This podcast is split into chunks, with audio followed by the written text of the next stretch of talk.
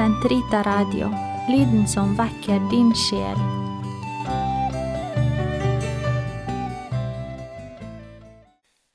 Som innledning til annen økt i denne presentasjonen om John Henry Newman har jeg lyst til å, å nevne det at andre som nok har mer greie på Newman enn undertegnede, har både sagt og skrevet om ham, som Jan Schumacher i eh, et eh, foredrag holdt i katolsk råbrød i fjor. Det samme har søster Else-Britt Nilsen. Hun har skrevet om Newman i forbindelse med kanoniseringen av ham og også pater Åge Hauken har skrevet et kapittel om Newman i boken Katolske kirkefedre. I forrige økt av denne presentasjonen så snakket vi en god del om den praktiske spiritualitet hos John Henry Newman. I denne økten skal vi snakke noe mer om det dogmatiske og sakramentale prinsippet i teologien hans. Newmans barndom var preget av den borgerlige såkalte Bible religion. Appetitten på teologi ble vekket hos ham etter en omvendelse han hadde i midten av tenårene. Med lesestoff, alt tatt ifra den kalvinistiske skole, skriver han, ble øynene hans åpnet for et prinsipp, ja, for Newman selv ble det et aksiom som kom til å prege ham livet igjennom, slik han skriver i sin åndelige selvbiografi Apologia provita sua. Fra jeg var 15 forandret min tanke seg meget. Jeg falt under innflytelse av en særskilt bekjennelse og mottok min tanke om kirkens dogmer, som ved Guds nåde aldri senere har blitt borte eller glemt.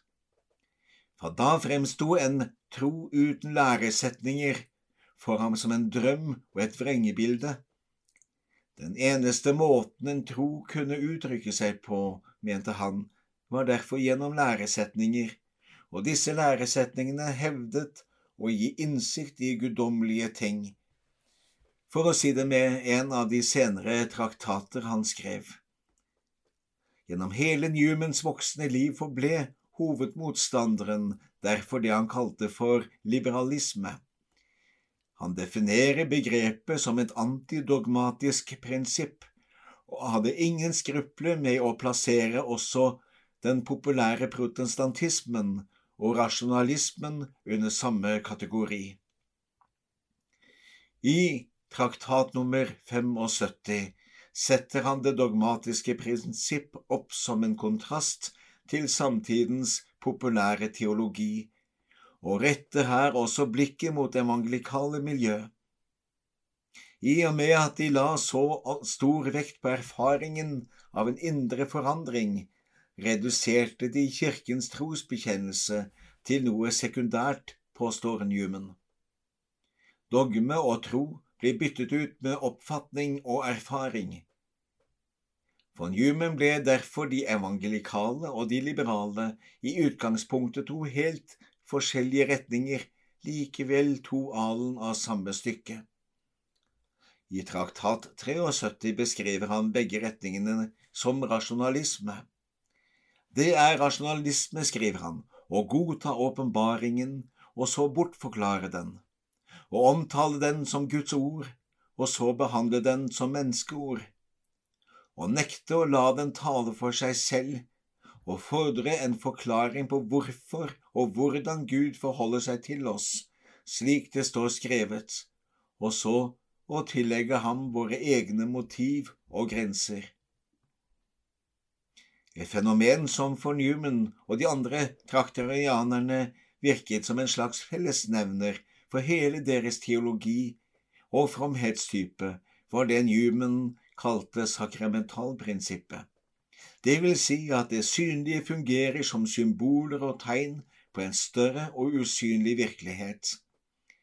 Han tar utgangspunkt i Origenes' bruk av begrepet og slår fast at et symbol ikke bare representerer, men også formidler det som det er et symbol på. Han skriver, et symbol avslører for oss under sansbare ting det som er evig, og selv tar det del i disse evige realiteter.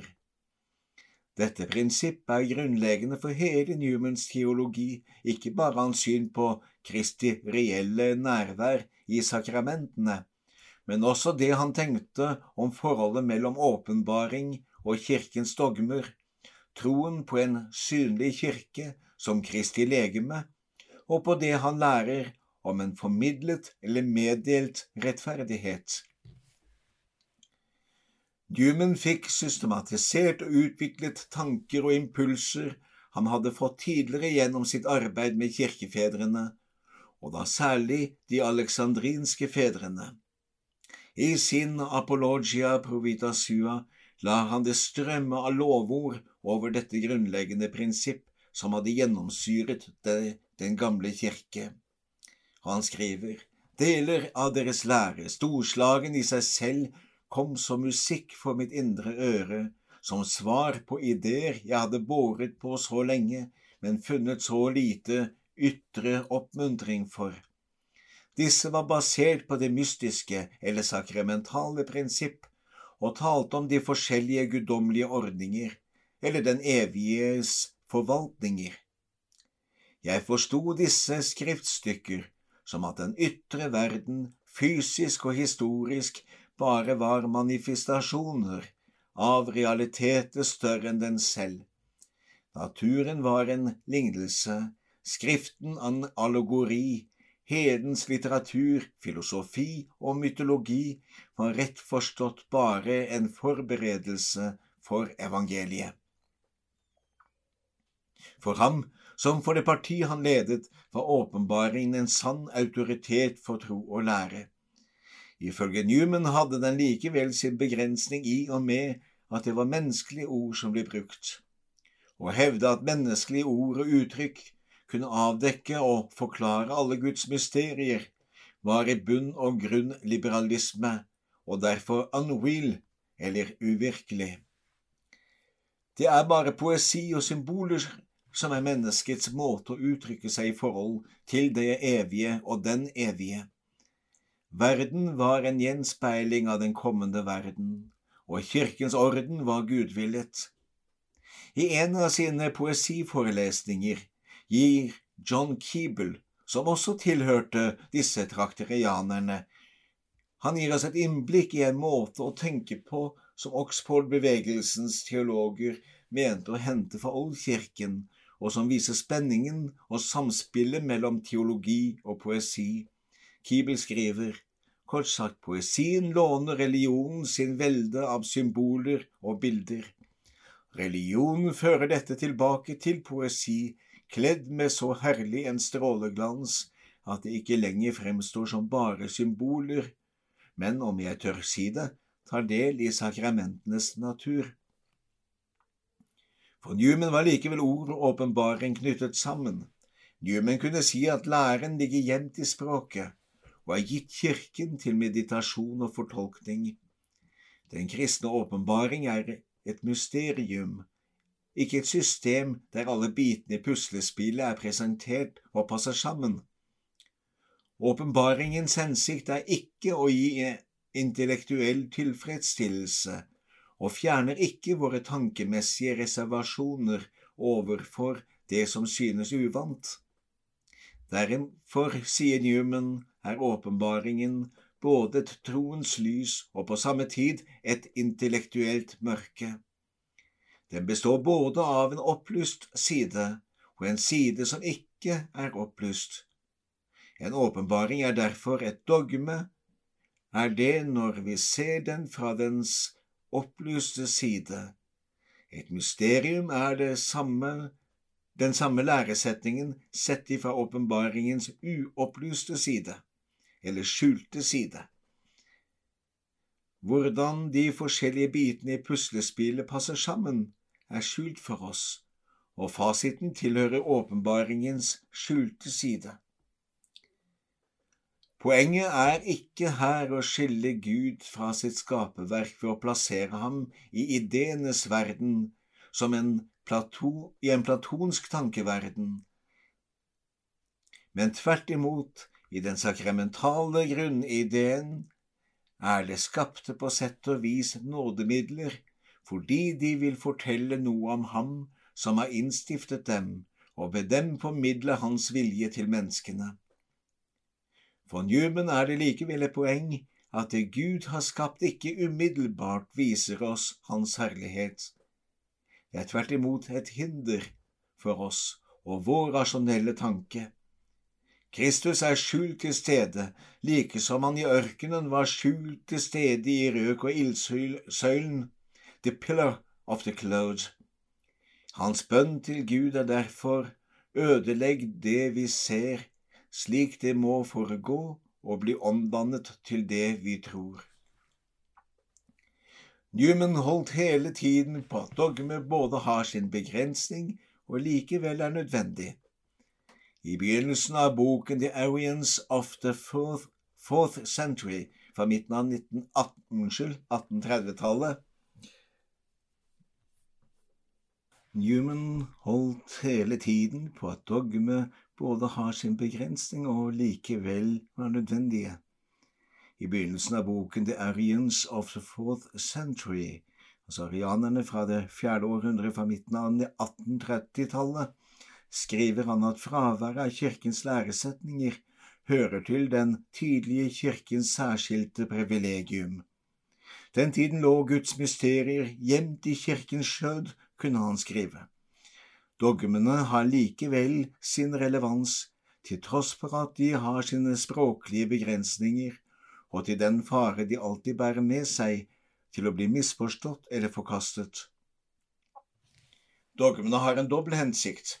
På den ene siden skal de beskytte Kirken mot vrang lære, og samtidig ha den positive hensikt å presentere essensen av Den hellige skrift, der sannheten om Gud kommer oss i møte i en guddommelig uorden for den uinnvidde, men søkende sjel, kunne han skrive.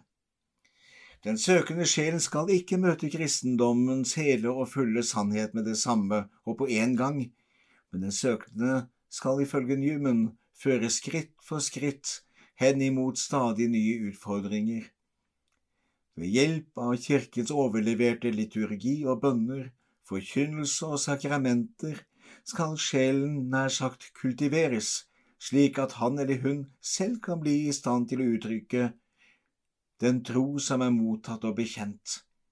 Dette standpunktet forutsetter at Skriften ikke skal tolkes på egen hånd, men at det er Kirken som skal være lærer og fortolker med Skriften som bevis. Newman fant eksempel på denne tanken om tilbakeholdelse av læren i Skriften selv. Kristus fortalte om himmelrikets hemmeligheter gjennom bilder og lignelser, men forklarte disse bare for dem som trofast gikk med ham. På samme måte skulle Kristi mysterier utlegges for udøpte mennesker som ennå ikke hadde vist vilje til å være hans etterfølgere. Det prinsipp Newman ga navnet reserve, er knyttet til begrepet vi kaller en naturlig åpenbaring. At Gud gjennom å skape handler ved at han inngir sin morallov i mennesket slik at det har en viss formening om hva som er rett og hva som er galt. Som et utslag av denne Guds veiledning gjennom samvittigheten mener han at de forskjellige folkeslag mer eller mindre har vært under rettledning gjennom tradisjoner. Selv om disse tradisjonene er blandet med hedenske legender og fortellinger, kan en likevel oppdage deres guddommelige kjerne. Ved apostelen Paulus som eksempel vil en human si at kirkens misjon ikke nødvendigvis måtte starte fra begynnelsen av, men den kunne gripe fatt i og å bygge på noe som allerede eksisterte. Samvittighetsbegrepet ble hos Newman utviklet som et gudsbevis, noe han ikke minst utviklet i sitt senere skrift An Essay in Aid of a Grammar of Assent fra 1870. En føler ingen skyld, har ingen frykt og føler seg ikke forpliktet overfor et begrep eller en død materie, skriver han, men kun for en virkelig lovgiver, selv om en ikke kan høre en tale med uttalte bud og forbud, men bare som et ekko av lovgiverens røst, skriver han. Dette ekko av lovgiverens røst peker på at denne lovgiveren faktisk eksisterer. Det er den samme som til fulle har vist sin eksistens gjennom åpenbaringen. Samvittigheten er hos Newman forbundet med tanken om den såkalte disiplina arcani, eller arkandisiplinen, som vi var inne på for et øyeblikk tilbake, gjennom begrepet reserve. At veien til kirkens fulle tro skulle gå gjennom lydighet og moral, noe som skal skje skritt for skritt og ikke som en samlepakke.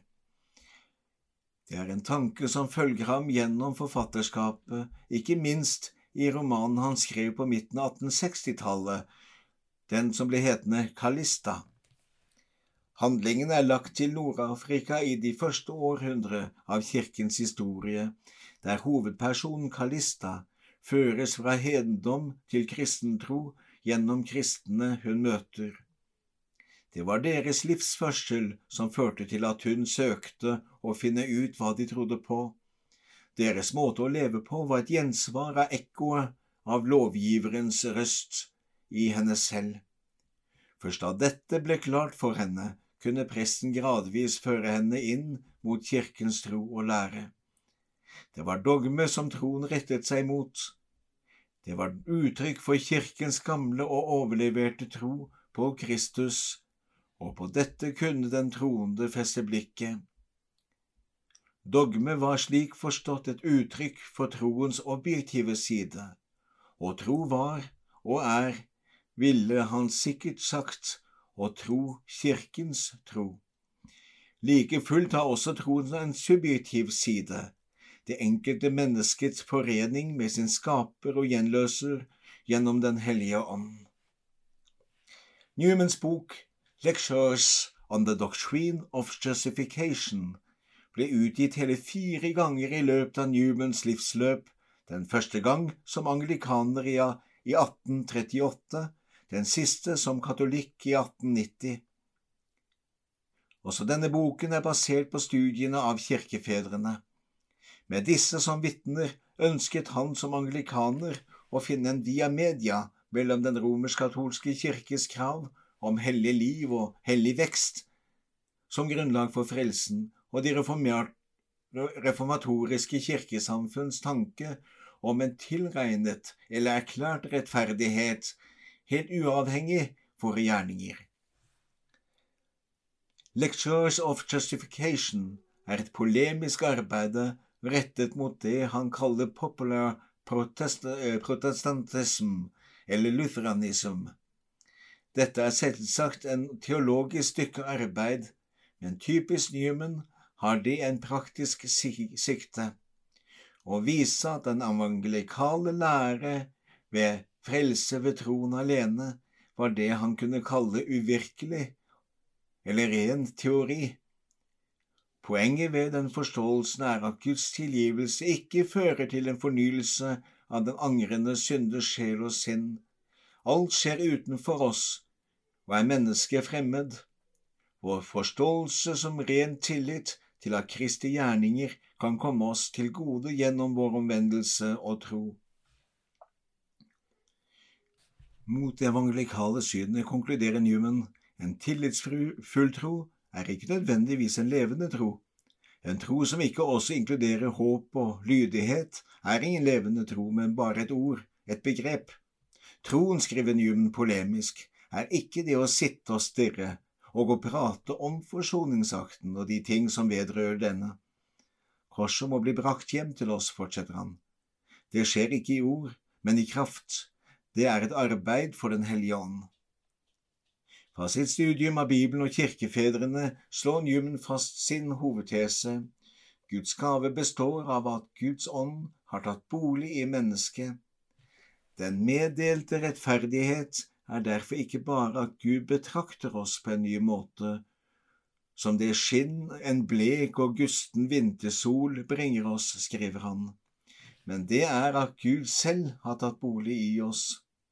Når Guds ånd bor i mennesket, gitt i dåpen, blir menneskets gode gjerninger velbehagelige for Gud, det vil si at gjerningene får en ny karakter, og lydigheten blir av en annen art.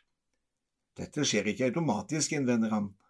Gud ønsker ikke en lydighet som er basert på ufrivillighet. Derfor gjør Guds ånd oss i stand til å adlyde som frie mennesker som handler ut ifra et fritt valg. Guds nærvær i mennesket ved dåpen er utgangspunktet for Guds tilgivelse, vår tro og vår helliggjørelse.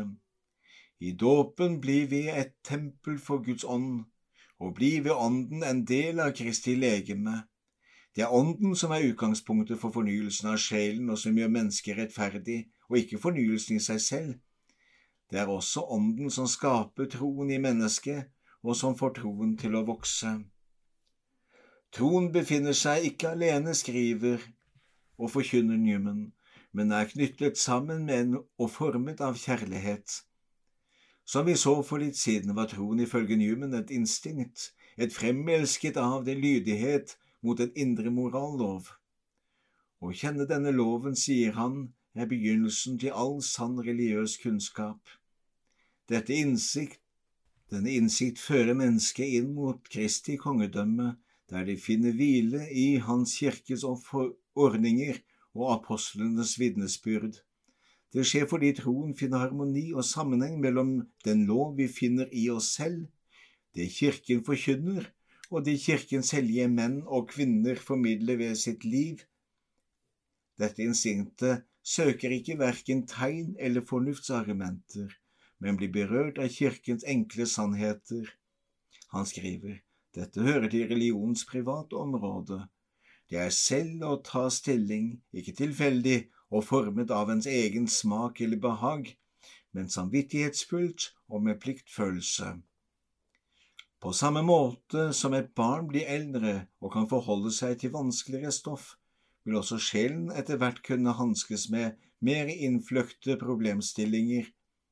Ved denne næring vokser troen fra å være et viljens lydighet mot en indre lov til et menneske som ved hjelp av fornuften kan gjøre rede for sin tro.